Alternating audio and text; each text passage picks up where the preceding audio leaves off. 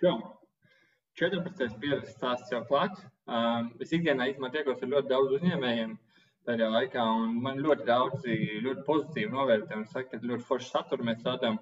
Un tādēļ mēs turpinām uh, runāt par online pārdošanu, runāt par to, kā uzlabot savus procesus, kā ieviest to, kā apvienot online pārdošanu ar, ar, ar parastajām pārdošanas aktivitātēm, kas ir offline. Un šodien mums ir tāda īstenībā svarīga tēma, ir, kur, par kuru mēs pēdējās nedēļās ļoti daudz runājam, un, un ne tikai runājam, arī palīdzam citiem, citiem ieviest, ir kā automatizēt klientu piesaisti, kā padarīt to, ka tev klienti ir un viņi nāk un tu vari kontrolēt konkrēti viņu, kā, viņu piesaisti notiek automātiski bez tavas iesaistes. Un otrs, tādēļ, kas ir par klasifikāciju, kā jāklasificē klienti, lai tu varētu uzlabot uh, pārdošanas komandas darbu, efektivizēt to visu. Un kas vispār ir šī klasifikācija un kā izskatās šī automātiskā piesaiste? Es esmu šodien uz uh, sarunu paaicinājis savu kolēģi Jāni. Uh, viņš, mēs kopā Ekamhubā palīdzam dažādiem uzņēmumiem piesaistīt klientus un efektivizēt šo procesu. Tāpēc mēs esam savākuši ļoti daudz pieredzi un gribam tiešām ar viņu padalīties un parādīt, kas ir tas, kas vairāk kā 99% uzņēmumu šobrīd nav sakārtots. Jā, divos vārdos uh, pasakot visiem čau un pastāstīt, kāpēc mums tevi jāklausās vispār. Sveiki, man sauc Jānis, un es pēdējos trīs gadus vadu arī digitālu marketinga aģentūru, kur mēs šo trīs gadu periodā esam piesaistījuši vairāk nekā tūkstotis klientu dažādās, dažādās nozarēs, tērējot arī vairāk nekā 200-300 tūkstoši reklāmās, un jā, viss veiksmīgi strādā. Brīnišķīgi. Uh, es zinu vienu tādu ciparu, jo Jānis, mēs Jānis pirms sarunas runājām, un, un uh, viņš saka, ka man nepatīk lielīties. Es saku, nu jā, tāpēc, ka tu neesi pārdevējs. Viņš ir cilvēks, kas var ideāli sakārtot procesus un ieviest viņus visus. Es zinu, ka Jānis šobrīd jau vairāk kā tūkstotis klientus veiksmīgi piesaistīs dažādiem uzņēmumiem pasaulē. Un, un šodien mēs paņemsim to visu pieredzi, saliksim, saliksim jums uz lapiņas, saliksim tos punktus, kas ir obligāti jāievieš. Un, pirmais, ar ko mēs šobrīd cīnāmies, cīnāmies, bet dzirdam, ka pārstāvjiem mums uzņēmēji sevišķi, ja viņiem ir teiksim, dārga preci, viņi saka, ka viņu klienti nav internetā. Un šodien pēc šīs dienas laiva es gribu, lai tev būtu skaidrs, ka tu savu pat ka tavi klienti pirmkārt ir internetā un ka tu tos savus pārdošanas procesus vari efektivizēt šobrīd ar, ar sociālo reklāmu palīdzību un ka tu vari būtiski uzlabot savus komandas darbu, jeb uh, ļaut viņiem strādāt tiešām tiem klientiem, kas ir tavi. Un, uh, pats galvenais, jau, ko es sākumā minēju, ka tu spēj kontrolēt to, to klientu skaitu, kas tev nāk klāt. Un, uh, un īstenībā palielināt pieprasījumu pēc savu uzņēmumu. Uh, un, um, jā, beigās obligāti mēs atbildēsim uz jautājumiem. Tas, ko es vienmēr saku, kad šādi laivi viņi ir ļoti forši, tāpēc, ka galā var uzdot jautājumus, var, var, var uzprasīt uh, sev aktuālās lietas, lai mēs viņus varam izstāstīt tieši tā, nu, te, teiksim, tieši konkrēti jūsu gadījumu iziet cauri. Uh, Um, un vēl es esmu zem šī pasākuma izveidojis grupu, kur jūs arī pēc, pēc šī laiva varat uzdot jautājumus, komunicēt tā, lai visi redz, par ko ir saruna, un katrs var ieviest to sev. Uh, varbūt Jānis sākam ar to, kas tad ir klienti piesaist online, kas tas vispār tāds ir, uh, kā tas izskatās divos vārdos, varbūt izstāstīja pēc savas pieredzes. Tā pavisam īsi un konkrēti tā ir reklāmas izveide vai nu Facebook, Instagram, YouTube un Google platformās kur mēs eh, izvēlamies mērķi ar pieņemsim, klientu piesaistīšanu, eh, rādām mērķētas reklāmas, nosūtām šīs mērķētās reklāmas uz kaut kādu konkrētu vietu, kā pieņemsim, tā var būt tava mājaslapa, tas varbūt tā var būt pieteikuma lapa, tas būtu jebkas. Un galu galā cilvēks aizpild kaut kādas pieteikumus, aizpild anketu, viņš arī var veikt pirkumu tikpat labi internetā, jau arī tev ir internet veikals un um, kaut kā tālāk. Okay. Tad tā ideja, kad uh, klienti piesaista online, noteikti nozīmē to, ka uh, tev ir, uh, tev ir šobrīd sociālai kanāli un vispār reklāmas kanāli, kuros tu vari izvietot reklāmu un sākt piesaistīt klientu tieši caur, nu, principā tālāk, ka, ja, ja klienti strādā, viņi tālāk pa Facebook ļoti netiek. Tāpēc, ka Facebook un Instagram tur ir milzīgi auditorija, un, un visi mums vienmēr jautā, kādi vēl papildus kanāli, kur tur vēl papildus var pievienot, īstenībā pietiek ar, ar, ar Facebook. Un tur ir, tur ir jā, par, par veiksmīgu sociālo reklāmu. tas ir arī tāds stāsts, jo daudz saka, ka mēs jau to esam patestējuši, pamēģinājuši, mums tas nestrādā. Kas ir tas, kā mēs varam šobrīd izstāstīt, kas tad ir tā veiksmīgā reklāma un kā tad, ko nozīmē veiksmīga sociālā reklāma? Tavuprāt? Veiksmīgi izveidot reklāmu noteikti ir pareizi uzrunāts klients, nevis vienkārši kā daudz, daudz piemērots arī internetā. Mēs redzam tagad, īpaši Facebookā, kur vienkārši uzņēmumi reklamē un saka, hei, mēs esam šādi un tādi, mēs darām to un to, bet īsti neuzrunā, neuzrunā nevienu konkrētu klientu. Un veiksmīgā reklāmā tā būtu tieši skaidra saruna ar potenciālo klientu, viņu problēmām. Ir jāsākumā arī pirms vispār tiek veidot reklāma, ir jāsaprot cilvēku problēmas, kādas mēs viņus ir, kuras mēs risinām. Un Citāk ir tā, ka reklāmai ir pareizi jānodod tas pakalpojums, ir pareizi jāatrisina tā problēma. Jāliek tam klientam saprast, ka mēs esam tie, kas atrisinās viņa pašreizējo problēmu. Tādā veidā viņš arī pieteiksies. Tas, ko es to saucu, man liekas, mēs par šo arī esam runājuši par tām meitu auditorijas grupām. Uh, nu, kad tev ir, tev ir kad vairs tev nav tā ideja, ka tev ir kaut kāda rūpnīca, kas ražo vienkārši kaut kādu 9000 produktus, un, un viņi tur gan jau kāds viņus lietos. Bet šī gadījumā tu maini to, tas, kā, viņš saucās behavior marketing, ja, ka tu uh, konkrēti risini mērķautorēs problēmas, un tu viņus parādi, ka, hei, rekur, es zinu, ka tu tagad meklē, nezinu, ja mēs runājam par kaut kādiem māju būvniekiem, es zinu, ka tu gribi būvēt māju Re, kur ir uh, mans piedāvājums, ir tieši tādiem kā tu, kas grib būvēt māju, vai arī jebkāda, ka tu izveido kaut kādu mērķa auditoriju grupu, un tu priekš viņas veido to reklāmu. Nevis, ka tu veido vienkārši kaut kādam tirgum, kaut kādam plašam, plašam cilvēku klāstam, bet ka tu veido konkrēti konkrētam cilvēkam, kuram ir tajā brīdī problēma, kuru tavs biznesa var atrisināt. Tas ir tas, ko mēs redzējām arī pārdošanas procesos, iesaistoties. Mēs redzam, ka uh, vēl joprojām tie pārdošanas uh, teiksim, eksperti, viņi nekoncentrējās uz problēmu risināšanu, bet viņi koncentrējās uz savu produktu pārdošanu.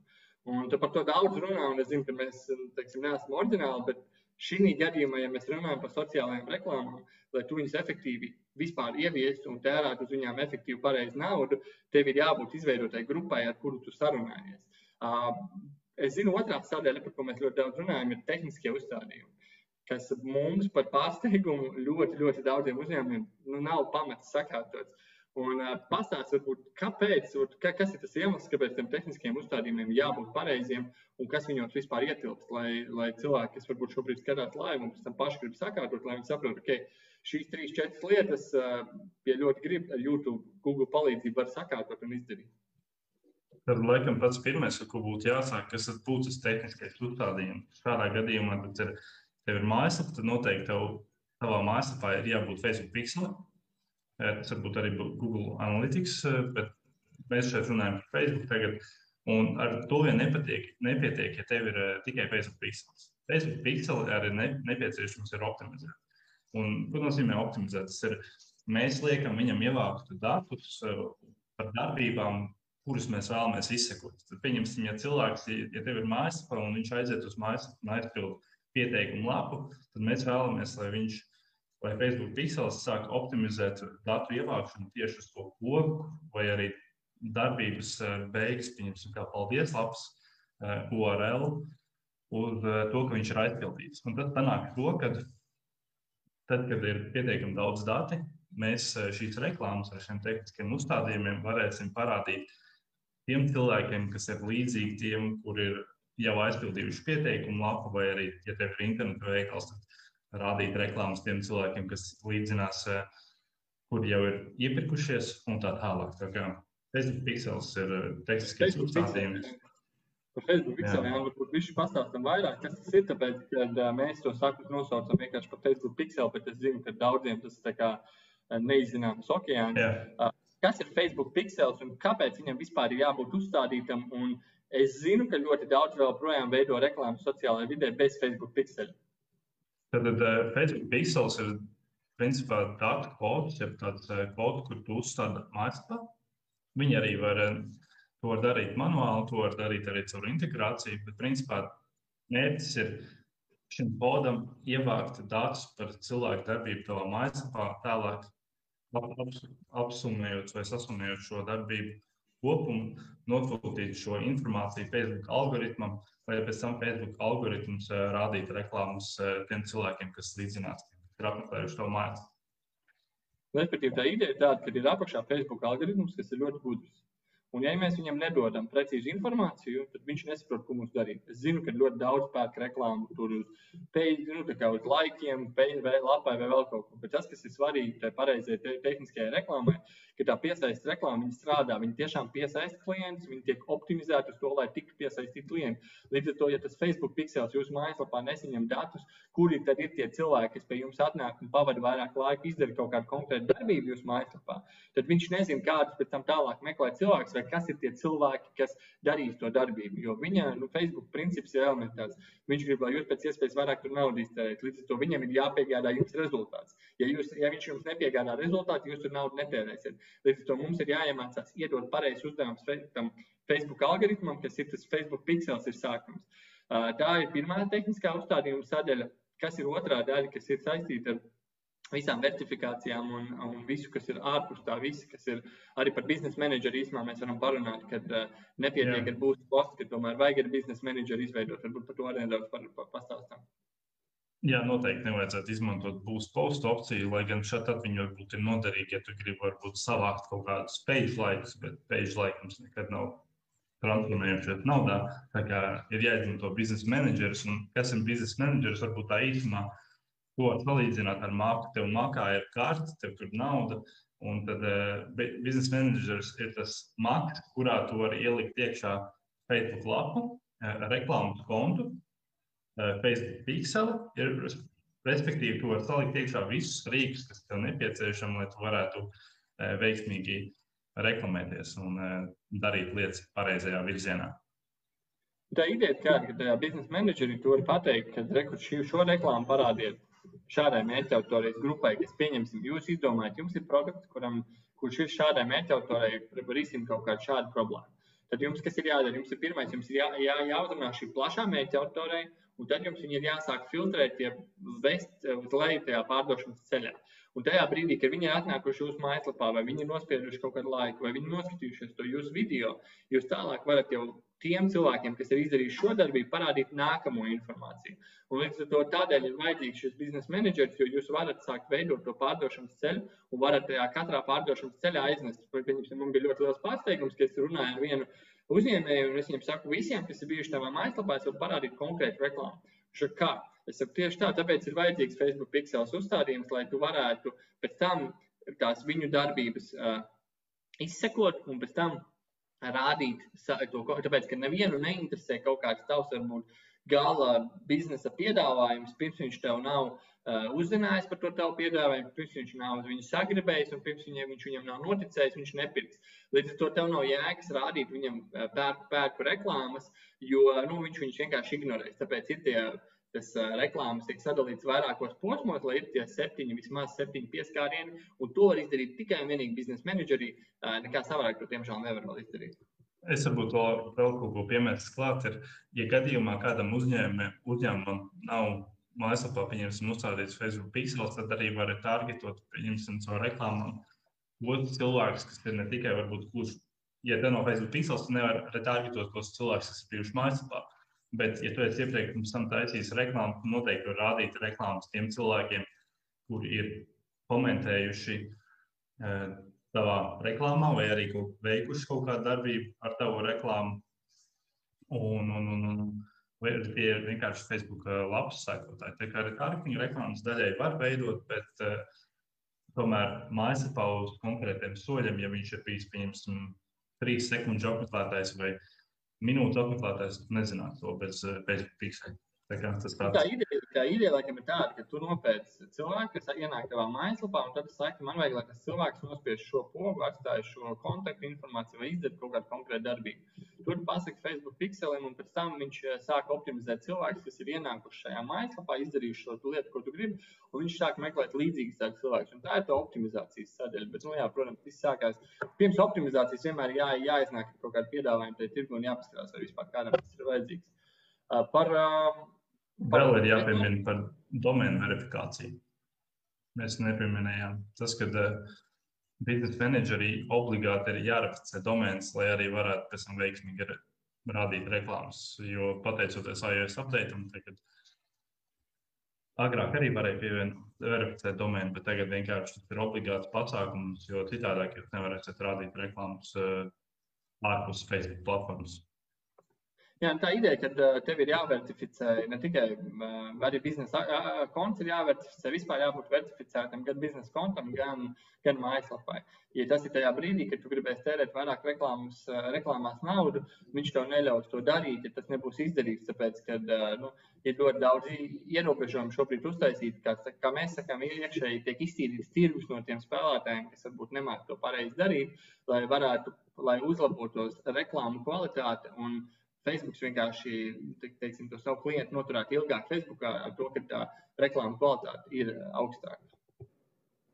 Par uh, automātisko manuālo piesaistes veidu mēs par to daudz runājam un uh, rakstam un sakam, bet uh, varbūt izējām uz pirkstiem cauri, ko nozīmē automātisks piesaistes veids un ko nozīmē manuāls piesaistes veids, ja mēs runājam par klientu piesaisti. Uh, es laikam pastāstīšu par manuālo, tad tu vari pastāstīt par automātisko, tā būtu varbūt pareizāk. Uh, Manuālais, principā, tas, ko dara vienmēr uzņēmums ar biznesu, kas ir tikko sākuši, viņi ir tāds, pat es viņu vienmēr saucu tāds uzdevums. Uh, pirmie desmit klienti ir jāatrod ar rokām. Ir jāiet, jāraksta LinkedIn, jāraksta Facebook, manuāli jāuzrunā, jāmeklē, jāpiedāvā, jāskatās. Pat mēs arī tur ar Jānu sākām piedāvāt jaunu pakalpojumu. Mēs gājām manuāli, meklējām, vai kādam tas vispār ir vajadzīgs. Mums cilvēki pateica, jā, tas ir super produkts, dara to. Tagad mēs e, sākam veidot jau automātisku klientu piesaisti, bet mēs redzam, ka tirgum to vajag.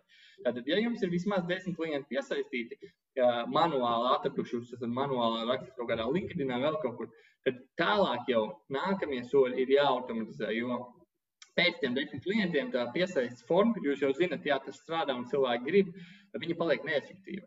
Un tad nāk klāt tas automātiskais piesaistes veids, ja tu jau saproti, kas ir tās problēmas, ko tu risini tam savam klientam, un tu viņus vari sākt tērt iekšā dažādos saturos. Kā pieņemsim šodienas video, mēs gribam video salikt visu pa detaļām, kad nākamreiz, kad mums atnāk jauns klients, mēs viņam sakam, aiziet apskaties, kas ir tās lietas, kas tev ir jāievieš, tu vari to izdarīt pats. Ja tev vajag palīdzību, droši atnāk pie mums, mēs automatizējam kaut kādu savu manuālu iepriekšējo darbību, ko mēs katram stāstījām, to, ko mēs tagad ar Jānu runājam.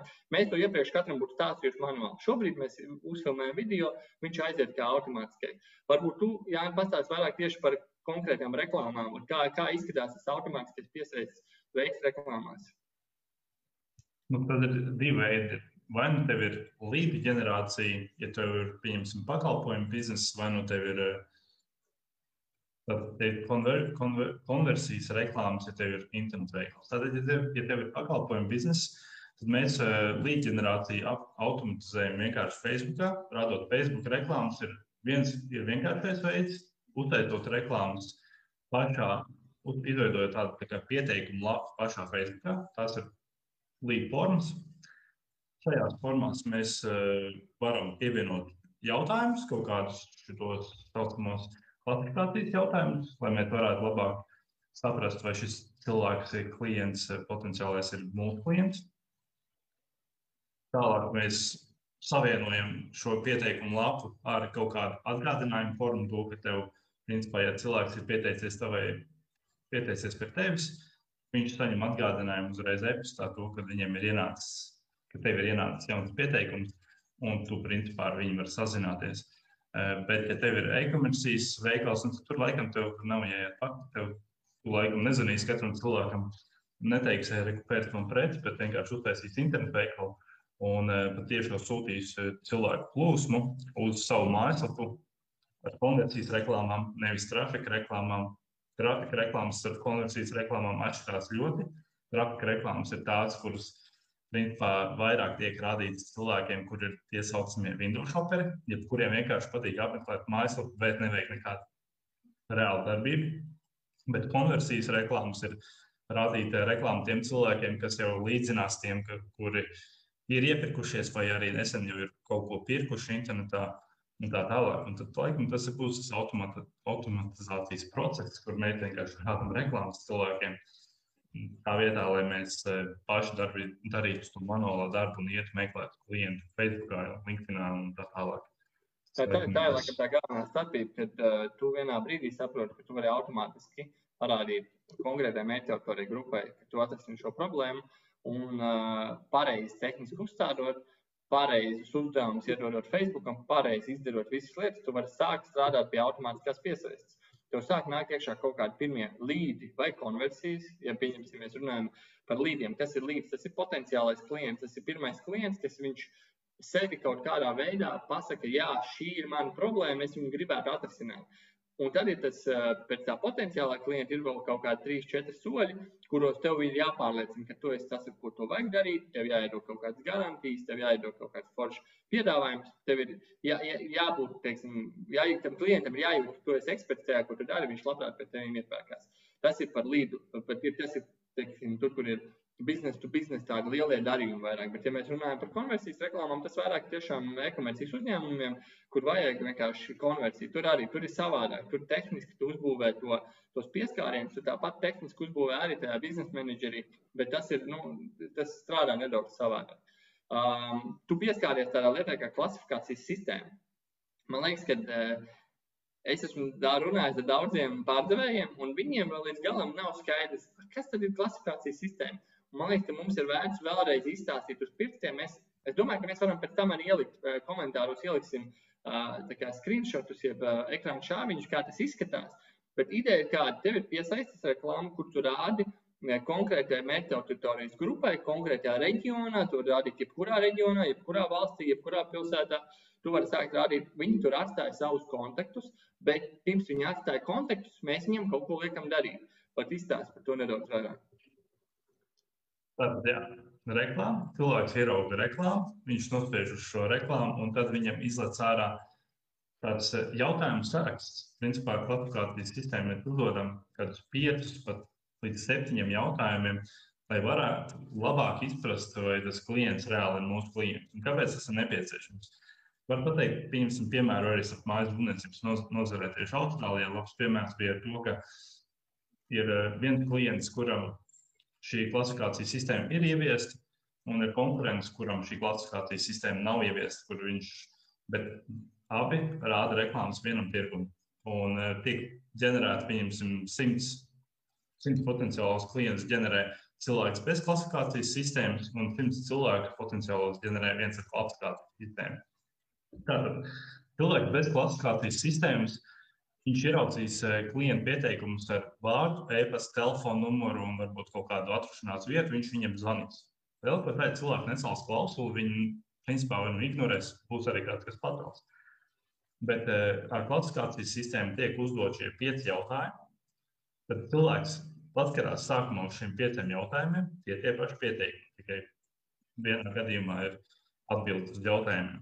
Tad uzņēmējs skatās uz, eh, uz atbildēm, viņš redz, ko oh, šeit, šeit atbilst, šis cilvēks atbilst eh, manam, klient, manam reālam klientam. Es viņam, var, es viņam varu zvanīt un piedāvāt, ja virzīt to pārdošanas ceļu tālāk. Un tā parādās arī, ja viņš skatoties uz šīm atbildēm, viņš redz arī, ja cilvēks nav gatavs darīt kaut ko tagad, vai arī, ja viņš neatbilst tam galējam klientam, tad viņš visticamāk ar viņu virs pavisam citu sarunu palīdz viņu virzīt, lai viņš kļūtu par šo klientu tālāk. Rezultātā sanāk tā, ka viens tērē laiku ļoti daudz zvanot, un otrs optimizē šo laiku, efektivizē, skatoties uz tiem jautājumiem, kas atbilst, un viņš var ātrāk noslēgt šos darījumus nekā tas uh, otrs uzņēmējs, kuram nebūs šī klasifikācijas forma. Skatoties pārāk, pārāk gari. Jā, Jānis saka. Nē, es laikam pārāk gari izskaidroju. Nē, viss kārtībā. Es domāju, ka šī ir tā ideja, kad, kad, ja mēs runājam par to trešo soli, ja pirmais solis bija uzstādījuma Facebook pixels verifikācijas, otrais solis ir izveidot reklāmas, kas veido rezultātu. Tātad mēs par ko runājam, ka to var izveidot reklāmu, kur tev ir vienkārši atnāk kontaktu dati, kas ir pārsvarā Neviens papildus jautājums, visiem ir kontaktu formas, kurās nav vispār jautājumu. Līdz ar to, kas notiek, jums nāk iekšā ļoti daudz pieprasījumu, pieprasījumu ir kontaktu dati, un jūs terējat ļoti daudz laika, lai viņus apzvanītu. Bet jūs varat to izdarīt savādāk. Jūs varat pateikt, man ir svarīgi, pieņemsim, šie pieci jautājumi, un jau uz šiem pieciem jautājumiem mans klients atbild šādi, tad tas ir klients, kuram ir vērts zvanīt. Ja viņš tā neatbild, es par viņam nepievēršu uzmanību vai aizmirsu par viņu. Līdz ar to te ir tā ideja, ka ieviešot šos jautājumus savu klientam vai nu uz tavu klientu attiecību menedžmenta sistēmu vai uz e-pastu vai uz jebkuriem tev atnāk jau konkrētas atbildes, un tu vari komunicēt tieši ar tiem, kas tevi interesē. Jo klienti piesaistīt caur internetu nav problēma. Problēma ir tajā brīdī, kad eh, tāpat kā arī ikdienā, ka mēs tērējam laiku uz klientiem, kas nav mūsu klienti. Un tāpēc šis ir tas process, kur tu vari efektivizēt, tu vari ieviest šīs uh, klasifikācijas lietas, lai tavi pārdošanas cilvēki netērē laiku uz tiem cilvēkiem, kas, kas nav tavi klienti. Kā, tas ir obligāti jāievieš, bez tā mēs neredzam vispār jēgu no datiem. Ja tev vienkārši ir e-pasta telefons, tad uh, var no pieredzes pateikt, ka gandrīz neviens neceļ telefonu. Uh, kaut kādi cilvēki atbild uz tavām izziņām, un kaut kāds procents atbild uz, uz e-pastiem. Un līdz ar to nu, tur ir jāsakārto tas process, lai, lai viņš būtu efektīvs un lai tavs pārdevējs vienkārši uh, nezvanītu desmit reizes cilvēkiem, kas uh, nav nekad un nebūs tavi šobrīd klienti, jo tā arī var būt. Tas ir laikam viens no tiem iemesliem, kāpēc pat ir radies tāds teiciens, ka mūsu klienti nav internetā, jo gluži vienkārši nav sakārtot viss pārējais process. Viņi var rādīt reklāmas, piesaistīt potenciālus klientus, bet gal galā eh, nav sakārtots klasifikācijas process. Jā, es piekrītu. Tas ir, eh, šis ir pamats, jo daudzi mums saka, ka mums nav klienti, mums nav uh, tur internetā. Uh, es vienmēr visiem saku tos, to joku, saku, tavs klients katru vakaru sēžot uz poda, ir Facebookā. Lai kādas viņš tev ikdienā problēmas risinātu uh, pa dienu vai, vai no rīta vai kurā laikā, viņš kaut kādā brīdī viņš būs tas klients, kas kas, kā mēs smējāmies, tur Austrālijā strādāja ļoti labi piedāvājums, norezervē savu māju līdz mēneša beigām un saņem bez maksas kublu. Un viss liekas smieklīgi, nu, priekš kā man kaut kādu kublu, bet ko es panāku? Es panāku to, ka es parādu, es piesaistu cilvēkus, kas ir gatavi tagad pieņemt lēmumu kas ir gatavi līdz mēneša beigām rezervēt, iemaksāt priekšapmaksu vai izdarīt jebko, kas ir vajadzīgs, lai viņi varētu to izdarīt. Un es, es caur to vidi es panāku sava biznesa rezultātu, kas ir laikam pats svarīgākais. Um, tā kā man liekas, nu, mēs arī, nu, mēs arī esam ļoti lieli fani, un tas ir mūsu misija tagad izmainīt šo pārdošanas procesu teiksim, visiem uzņēmumiem, kas uzticēsies, un arī palīdzēt tiem, kas grib paši to izdarīt, kad vecā klienta piesaistības sistēma vairs nestrādā. Un, ja viņi, man, man tas, laikam, tas piemērs ir, ka man jau kaut kādu trešo reizi zvanu no, ne, ceturto reizi zvanu no meža, apsaim, ne, meža apsaimniekošanas kompānijas, kad viņi piedāvā man apsaimniekot manu zemi. Nu, man nepiedara šobrīd zemes, līdz ar to es esmu diezgan tālu no viņa potenciālās mērķa. Līdz ar to es saprotu, cik efektīvs ir tā pārdevēja darbs, kas man zvana, kādu viņa var rezultātu sasniegt, kādā laikā. Tāpēc uh, mums ļoti jādomā par to, ka šobrīd mums ir ļoti daudz saturs, un mums paliek ar vien vairāk, mazāk laika uh, lietot šo saturu katram no mums atsevišķi, tāpēc ka saturs ir milzīga, milzīgā daudzumā. Un, uh, tādēļ mums ir jāsāk veidot produktu un pakalpojumu, kas risina konkrētas mērķa auditorijas problēmas. Jo tā, ka mēs to izdarīsim, tad mēs varēsim to mērķa auditoriju atrast. Jo es jau minēju, ka tev nepietiek, ka tev vienkārši ir rūpnīca, kurā tu kaut ko taisi, bet tev ir jārisina problēmas. Un uh, it kā tā izklausās pēc problēmas, ka tev ir jāsāk domāt, lai tavs produkts risina kaut kādas klienta problēmas. Bet īstenībā tas ir milzīgs iegūms, tāpēc ka sociālās reklāmas viņas reāli palīdz tev atrast šīs grupas un parādīt tām grupām, hei, es daru šo. Un ļoti ātri iztestēt tavu ideju, kas tev ir galvā, iztestēt, vai kādam tas vispār ir vajadzīgs. Tā kā es domāju, ka, ja tev ir kaut kādi jautājumi, tad, ka ir jau kaut kādi jautājumi ienākuši, tūlīt mēs ķersimies viņiem klāt pievieno noteikti šeit zem, zem šī video, un, ja, ja, ja neuzspēj, tad pēc tam mums ir grupa, kurā mēs runāsim par, es gribētu, tur varbūt paskatīsimies, varbūt mēs ar Jāni būs laba atsaucība. Vienreiz nedēļā iziesim laivā un atbildēsim uz jūsu jautājumiem, iziesim kaut kādām lietām, lai, lai visi redz, lai, visi, lai visi, kā, visiem ir pieejama tā informācija, jo mēs zinām, ka nu, bez tā, bez tā rīt uzņēmums nebūs. Es nezinu, Jāni, varbūt tev ir kaut kāda cita cits viedoklis par to, vai tas ir iespējams vai nav iespējams. Man liekas, ka, ja nav automātiski piesaistījuma klasifikācija, tad vienkārši nav kļūst nekonkurēt spējīgs tuvākajos, nezinu, divos, trijos gados. Nu, ir noteikti, ir noteikti izņēmuma varianti, ja tev ir superlabs produkts un cilvēki paši par tevi runā. Tev varbūt to mārketingu nevajag, bet tā parās, ja tev ir superlabs produkts un cilvēki paši runā un tu pieslēdz klāt šo mārketingu, tad tas uziet vēl pavisam citā līmenī. Okay, tikai es uztaisīšu tādu mazu samariju. Man liekas, man daudz teikuši, ka man tas labi sanāk. Tāpēc es mēģinu to arī vienmēr uztaisīt tādu, lai visiem paliek tāds, uh, visiem paliek tāda, tāda nu, skaidrība, ko mēs te vispār izrunājām un, un, un kas ir tā secība. Uh, tātad, tev ir jāpēta savs klients, tev ir jāatrod viņa problēmas, un tev ir jādomā, kur, kā tavs biznesa var atrisināt tās problēmas. Jāizveido mērķa auditorija grupas. Tālāk ir Uh, jāizveido tehniski, jāuzstāda pareizi visu stadiju, kas ir saistībā, ja mēs runājam šobrīd par sociālajām reklāmām. Tātad jāvertificē biznesa konti, jāvertificē mājaslapa, jāuzstāda Facebook pixels. Pēc tam tālāk, tev, ja, tev, ja tu tirgo preces, tad tev ir jāsāk veidot konversiju reklāmas, kas, kas ir ne tikai viena reklāma, bet kas ir kaut kāds 5 līdz 7 reklāmas konkrētai mērķautorai grupai. Ja tā ir, kur tu meklē biznesa partnerus vai tu meklē kaut kādus lielākus uh, uz lielākām summām klientus, tad sāc ģenerēt potenciālus klientus, jeb līdus, kas saucās līdz ģenerācijas kampaņas. Un pievienotām līdz ģenerācijas kampaņām pievieno klasifikācijas sistēmu, lai tu netērētu laiku uz tiem, kas tev nav. Uh, kas ir principā tā, tas ir tas ceļš, pēc kura sākās optimizācija. Jo tas, ko mēs redzam bieži, un es esmu redzējis, ka cilvēki nodarbojās 99% ar optimizāciju, bet viņi optimizē pēc savām sajūtām, nevis pēc uh, pēc rezultātiem. Un tas, ko mēs visiem sakām, palaižat līdz generācijas reklāmas, sākat piesaistīt klientu, saprotat, kas ir tās, kas ir tās nianses, ko klients nesaprot, ko viņš saprot. Un tad no tā veicat to optimizāciju. Nevis otrādi, jūs no, uztaisat perfektu mājaslapu, perfektu Facebook lapu, visu uztaisat perfektu, un tagad jūs sāksiet laist reklāmas. Vai es esmu ļoti daudziem dzirdējis, ka uh, kad sociālais, sociālais kā, dabīgais konteksts man atnesīs klientus. Nu, viņš neatnesīs klientus, viņš veido uzticamību, bet viņš nenes klientus. Uh, jā. Ar organisko kontekstu, laikiem, jau sociālajiem parastiem postiem jāpiemina tad, kad Facebook algoritms jau tagad, tas, man liekas, rāda tikai vienam vai diviem procentiem no visiem taviem sekotājiem tavu postu, ko tu publicē. Rezultātā, rezultātā tas jau vien nav ja tev ir pieņemsim tūkstots sekotāji, nu, tad tur 10, 20 cilvēki redzēs tavu postu. Un, ja viņi pat, ja viņi pat nereaģēs uz šo postu, ja šo kaut kādu sociālo postu, tad uzreiz šie, šis posts tiks apraksts uh, Facebook lentē. Viņi neviens neredzēs.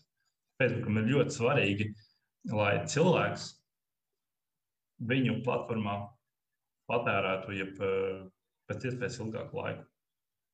Un viņš darīs visu, lai tas notiktu. Tāpēc jā, tas būtu, būtu tiešām būtiska informācija, ka, uh, ja jūs gribat pārdot, ja jūs gribat dot rezultātu, jums ir jāveido pārdošanas reklāmas. Bez viņām, protams, nu, kā jau saka, ir kaut kādi ideālie produkti, kas to dara, bet būsim godīgi, visiem ideāliem produktiem apakšā arī ir bijis mārketings. Ir, protams, šobrīd kaut kādās, ir kaut kādas nišas, kurās, kurās šobrīd ir cilvēki, uh, aizņemti ar darbiem, un tur vairs nav iespējas. Bet es arī saku bieži vien, ka tas arī ir tāpēc, ka tie cilvēki dara simts dažādas lietas. Ja viņš darītu varbūt vienu vai divas lietas, viņš būtu mazāk aizņemts, viņš pelnītu vairāk, viņam būtu lielāks rezultāts, viņam būtu vairāk klienti, kas viņam ir vajadzīgi. Līdz ar to arī tas, tas ir tas stāsts par, par to, nu, kā, kā es redzu, kā biznesa attīstība, ka tev ir viena mērķa autorijas grupa, tu viņai atrisini problēmas, un pēc tam to optimizē, lai tās, teiksim, lai tev samazinātos klienta izmaksas, lai tev samazinātos ražošanas izmaksas, lai tev palielinātos uh, tas, tā naudas daudzums, ko klients pie tevīm iztērē, lai tā apmaiņa būtu godīga.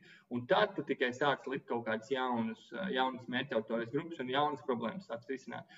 Nevis sākumā, biznesa sākumā bez naudas tur risina uzreiz tūkstotis problēmas.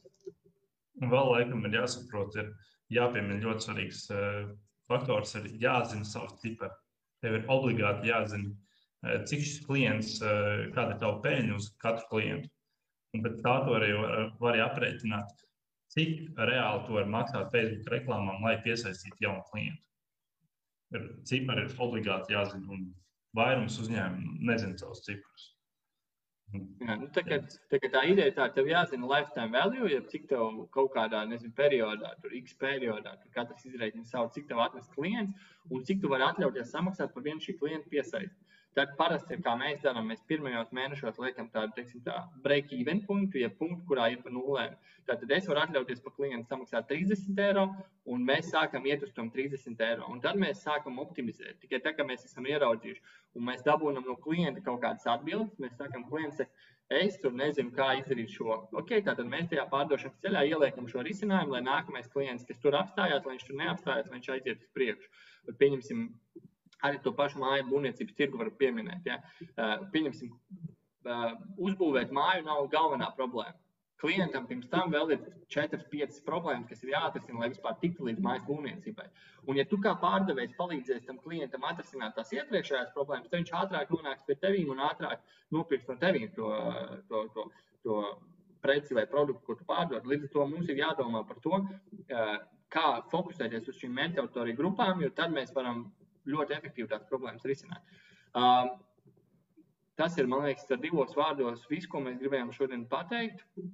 Ja tas bija noderīgi, droši pievienojiet uh, laiks, laikus un, uh, un, un komentārus.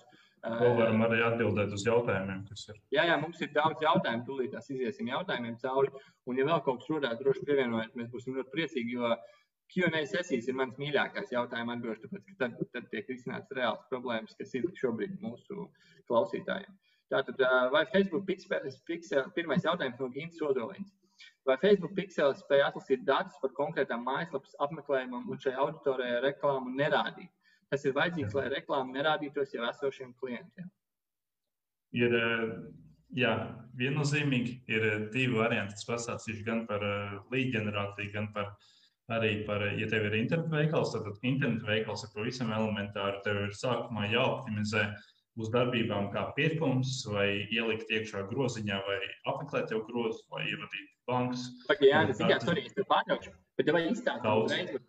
Nē, nē, viss kārtībā. Nē, es vienkārši izstāstīšu uzreiz, lai mēs, tā kā tu tagad stāsti, es vienkārši izstāstīšu uzreiz pārdošanas ceļu, ja mēs runājam par preci, lai visiem ir skaidrs, kā, kā notiek tas optimizācija. Jā, jā. Pirmā, ko mēs optimizējam, ir uh, apmeklējums, bet apmeklējumam ir jābūt vairāk par vienu lapu vai arī bērns, nu, vai viņam ir jāpavada vairāk kā minūti mājaslapā, lai mums ir viņam jāpierāda, ka viņš ir derīgs mums klients. Otrais, uz ko mēs optimizējam, ir pievienots grozs. Trešais ir uh, pamests, uh, pamests grozs, ir pamests checkout, un ceturtais ir pirkums. Un, uh, nu, tas, tas, ko es uzreiz vienkārši izskaidroju, kas notiek, ja jūs pārdodat uh, produktu. Uh, tu pabeidz to domu, vai var, uh, vai var norādīt.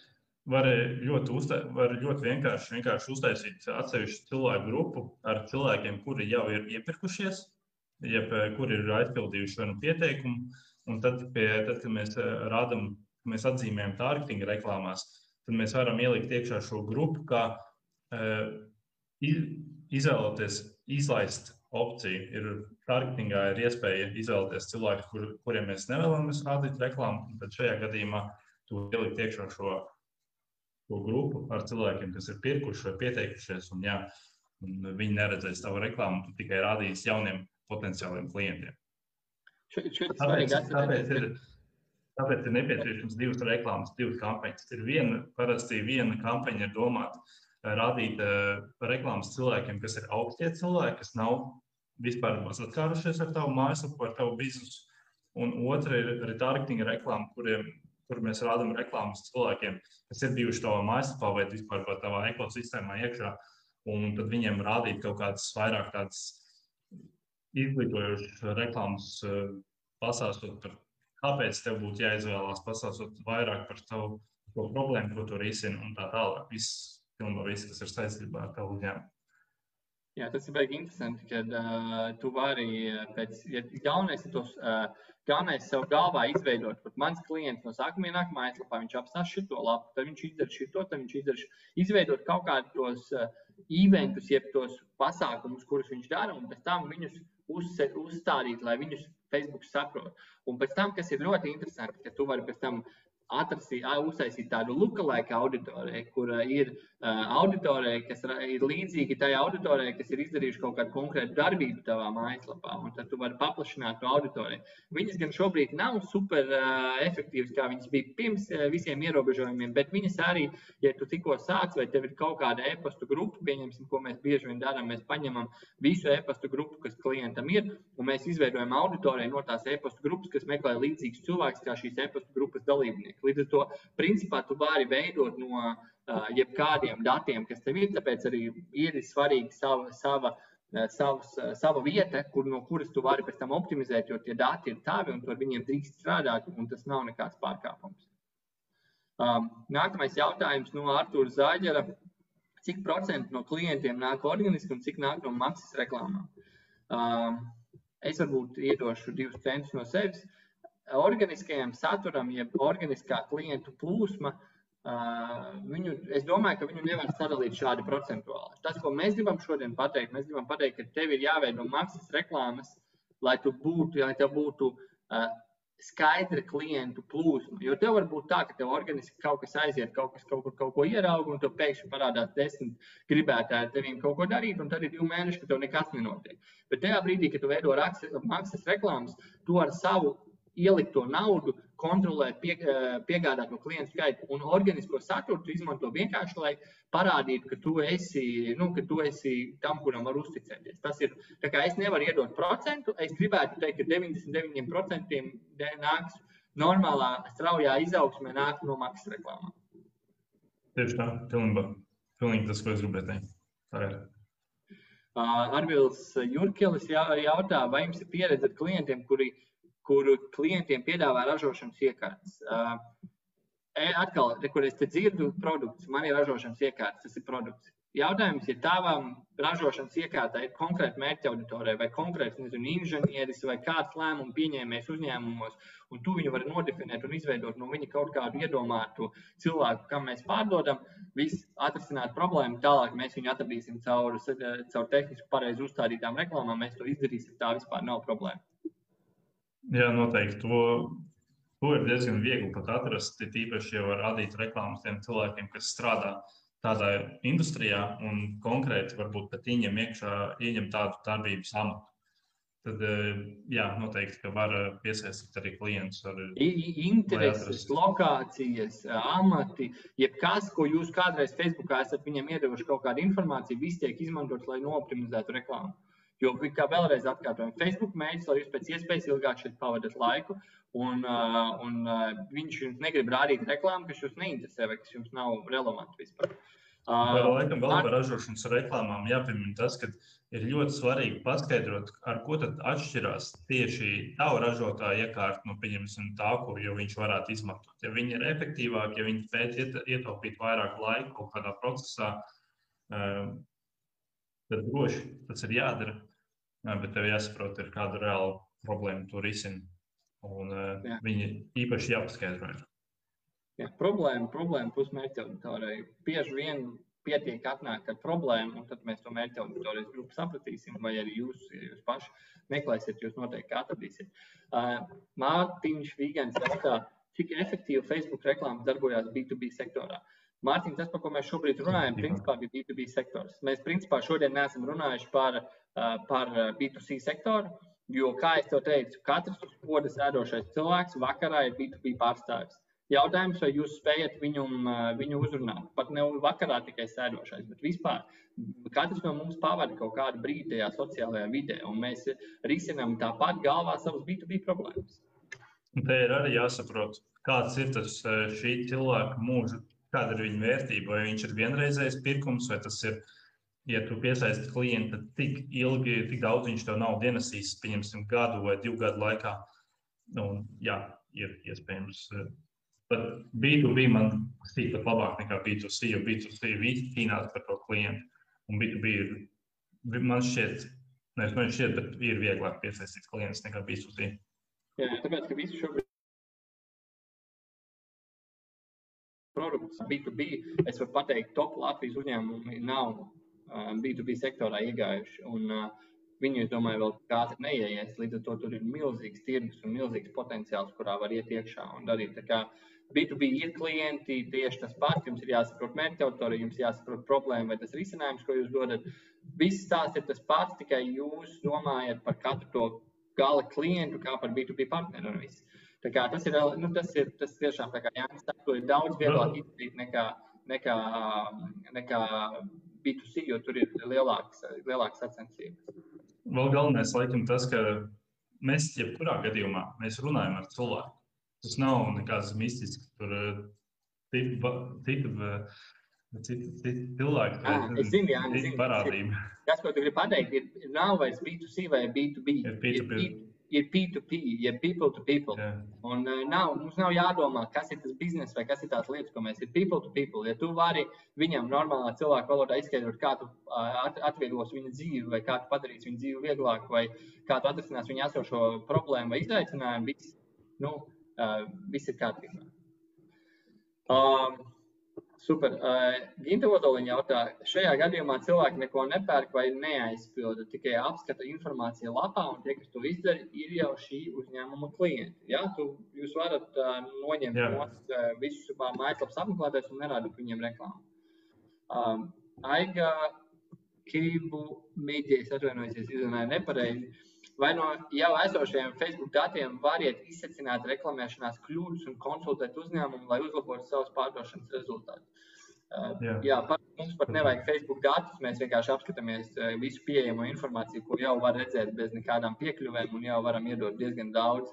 Un ikdienā dodam ļoti daudz ieteikumu, kā pamainīt, uzlabot, lai, lai tas strādātu un lai varētu efektīvi piesaistīt klientus.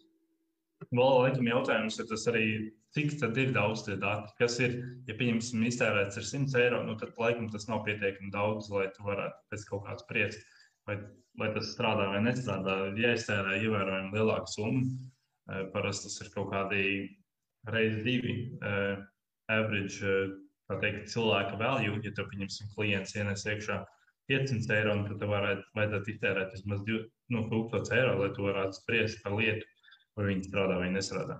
Bet, nu, protams, var laicīgāk noteikt. Un ieteikt jau lietas, kas ir jāuzlabo, kas ir jāievieš, lai nebūtu vienkārši lieka tērēšana, bet, bet lai būtu reāli klienta piesaist un veiksmīga. Tas, ko laikam, mēs esam par tiem, ka uh, mēs negribam, nu, tas pir pirmais minimums, ar ko ir jāsāk reklamēties, ir 1000 eiro uz augšu mēnesī. Uh, lai vispār varētu būt kaut kādi dati un lai vispār varētu ņemt kaut kādas optimizācijas lietas. Jo tu vari sākt ar 10, 5, 7, 11 eiro dienā, bet nu, tur eh, tās, tā attīstība būs ļoti lēna un tā optimizācija būs ļoti lēna. Līdz ar to eh, nu, 50 eiro dienā ir tāds, tāds, manuprāt, minimums, ar ko jāsāk. Un ir īpaši, ir īpaši, ja mēs ir jāsaprot, cik daudz produktu pakalpojums ir vērts ja mēs pārdodam zeķes vai, ne, vai kurpes vai ko tamlīdzīgu, tad ok, tad jā, droši var tērēt 10, 20 eiro dienā un uh, dabūt pirkumu par 40, 50, 60, 100 eiro. Bet, ja tev pakalpojums ir 1000 eiro vērts, tad tu nevari cerēt to, ka iztērējot 10 eiro dienā, tu dabūsi klientu par 1000. Nu, var dabūt, bet tas, tas nav kaut kas tāds, ko tu tā var būt veiksme. Bet, ja mēs tērētu vairāk, tad mēs varētu tieši precīzi pateikt, kurš ir tas solis, kurš nes mums klientus, un tad arī dubultot budžetu uz šo soli, un tev atnāk vēl vairāk klientu.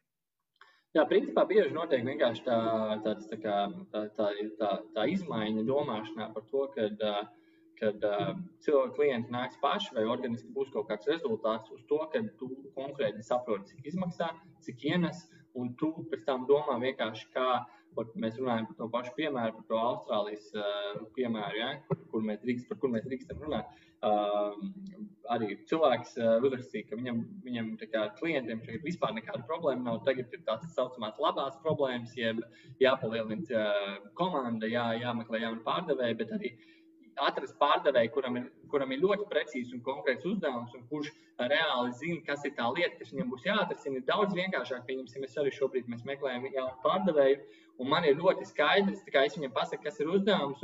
Cilvēki ir ļoti labprāt, ir gatavi pat sākt tur vienkārši pavēloti, pamēģināt, aiziet. Tāpēc, ka viņi saprot, ka tas darbs ir uh, efektīvs un viņš ir interesants. Tāpēc, ka tu strādāsi ar klientiem, kas ir, uh, kas ir ieinteresēti un kuriem, ir, nu, kuriem vienkārši ir interesanti. Uh, tā būtu forši, arī kur es redzu, laikam ir vēl viens jautājums. Uh, uh, Kristiāns Tiesnesis. Kāpēc ir daļa uzņēmumu, kas negrib reklamēties Facebook platformā? Uh, Es domāju, ka ticība, nu, visa, visa pamatā ir ticība. Tu tam tici vai tu tam netici. Mēs ar Jāni esam iztērējuši entos simtos tūkstošus naudas Facebook reklāmās, un ne tikai Facebook reklāmās. Mēs zinām, kā tas strādā. Es pats esmu bijis klāt, kad uzņēmums tur gada laikā izaug, nezinu, tur gan ir 50 reizes apgrozījumā. Uh, nezinu, mēs tagad arī tikko paņēmām vienu klientu, mēs viņam trīs nedēļās palielinājām pārdošanas apjomu piecām reizēm. Mēs esam redzējuši, kā tas strādā, un mēs tam pilnībā ticam. Uh, mums vispār nav kā, jautājums, vai to vajag, to vai to nevajag darīt. Uh, bet ir uzņēmumi, kas nekad nav to redzējuši, un viņi pat nepieļauj, ka viņš varētu pēkšņi izaugt pa piecām reizēm divu nedēļu laikā. Bet mēs to esam piedzīvojuši, mēs to darām ikdienā, līdz ar to mēs tam ticam. Vēl arī ir noteikti variants, ka cilvēki, citi uzņēmēji ir, ir apdedzinājušies. Viņi ir mēģinājuši to darīt, viņiem nav sanācis. Līdz ar to viņi ir konstatējuši to, ka hei, šis reāli nestrādā. Es meklēšu, es labāk lieku rakstus avīzēm, varbūt nāks klients šādā veidā. Bet uh, ir jāmēģina vēl. Ir Jā, šī, šī, šī ir ļoti laba lieta, kur Jānis pateica, ka ir ļoti daudz ir apdedzinājušies. Un mēs zinām, zinām, ka tirgu ir daudz nekvalitatīvu pakalpojumu Un, uh, un uh, mēs paši esam visam izgājuši cauri. Es esmu pats bijis tā biznesa pusē, es pats pīdzu šos pakalpojumus. Es zinu, ar ko kā, kā tagad jau mēs zinām, ar ko atšķirās šis labais no sliktā. Bet, te, kad tu satiecies ar pārdevēju vai kuru, ja tu satiksies ar mani, man, ā, man bija pēdējais klients, kas man teica, klausies, Gustav, ja es tevi nepazīstu, nepazītu, man liktos, ka tu esi skepts. Jo tas, ko tu tikko man pateici, man liekas kaut kas nereāli izdarāms. A, tu man to pasaki tā, jā, izīšu, to mēs izdarīsim. Rekur ir budžets, rekur ir rezultāts, iedod man šīs lietas, mēs tev mēnešu laikā atnesīsim, visu izdarīsim. Un viņam, viņa realitāte, viņam tas izklausās pēc skema, bet manā pasaulē es to daru katru dienu, un man tas liekas super īsi un super vienkārši izdarāms. Un vēl būt, lai būtu pavisam godīgs, arī man ir bijis pats pirmais klients, kuram vajadzēja dabūt pirkumus, bet es viņam taisīju Tas bija tad, kad es tikko sāku reklāmas, es taisīju viņam trafiku plūtus reklāmas, kur mēs nevis zinām iekšā cilvēkus ar potenciāliem pircējiem, bet mēs zinām iekšā cilvēkus, kur vienkārši, kuriem patika apmeklēt mājaslapu. Nu, diemžēl nebija rezultāts, un arī es biju tas, kas sanāca tajā brīdī apdedzināja klientu, bet pa lielam tas, tas viss ir milzīgas mācības, un šis ir kaut kas tāds, ja Facebook marketings ir pa lielam kaut kas tāds, ka tu nevari iemācīties nedēļas laikā, divu nedēļu laikā vai gadu laikā. Pie tā ir konkrēti katru dienu jāstrādā, lai varētu optimizēt visus procesus lai tās reklāmas tiešām būtu veiksmīgas un lai negadītos šādas situācijas, ka mēs pavisam mēs gribam citu iznākumu, bet mēs sūtām darbību, ja liekam darbību, kas nes mums pavisam citu iznākumu. Tā kā ir. Man ir tāds jautājums. Man ir tāds ļoti mīļš jautājums klientiem, kad viņi saka, klausieties, mēs paņēmām šitos, un viņi neizdarīja to, ko mēs gribējām. Un es prasu, tad, eh, kur bija problēma? Vai viņš nemācīja izpildīt, vai jūs nemācījāt iedot uzdevumu? Un tas, par ko mēs šodien runājam, ļoti daudz par to, kā iedot pareizu uzdevumu. Un ne tikai cilvēkiem, bet arī tam pašam Facebookam. Iedodot viņam pareizu uzdevumu, viņš to uzdevumu izdarīs. Jo viņš ir gudrs, viņš saprot, viņš māca. Jā, iedod pareizu uzdevumu. Tā kā iemācāmies iedot pareizu uzdevumus. Uh, un tad uh, ņemam speciālistus, kas jau to ir darījuši, jo mēs Tieši tā kā Jānis teica, mēs arī varbūt pašā sākumā neiedavām super augstas kvalitātes pakalpojumu, bet tu augstu, tu ej, tu liec kopā to visu. Un, un ja tev ir cilvēki, kas jau ģenerē rezultātu, kuriem tas viss ir skaidrs, tad labāk ej pie tādiem, kas ir gatavi. Un, un viņi nebūs varbūt tik lēti kā tie jauniņie, viņi nebūs varbūt tur, nezinu, tik pieļāvīgi uz kaut kādām lietām, jūsu neizpildībām, jo tas, ko mēs bieži sakām, jums ir jāklausa mums un jums ir jādod tā lieta, ko mums vajag, un ja jūs to nedosiet, tad, tad mēs nevarēsim izdarīt rezultātu. Līdz ar to uh, ejiet labāk pie speciālistiem, kas to dara. Ikdienā to dara, lai viņi parādītu kaut kādas lietas, ko viņi dara. Nu, mums arī nu, nav daudz klientu, par kuriem mēs drīkstam stāstīt, bet par tiem, kuriem mēs stāstām, mēs vienmēr, uh, jebkurā pārdošanas uh, zvanā, mēs uh, izstāstām, parādām. Tā kā paņemiet, paskatieties, ko viņi dara. Un, uh, uh, jā, tad, tad tā apdedzināšanās iespēja būs mazāka. Bet viņi nekad, viņi nekad neizslēdzās, jo ļoti iespējams, ka tā jūsu hipotēze, tā uzdevuma uzstādīšanā ir nepareiza, un jūs turaties pie tās savas hipotēzes, neļaujot uh, varbūt tajā optimizācijas procesā pamainīt kaut kādas lietas. Kā tas arī ir jāņem vērā. Jā, nu varbūt gribēju vēl kaut ko pielikt. Man, man tas laikam pateicis. Vispārējie jautājumi, kas ienāks, mēs uz viņiem pēc tam atbildēsim. Taisam grupu, ejam iekšā grupā, runājam par piesaisti, par klasifikāciju, mēs parādīsim jums labākās prakses.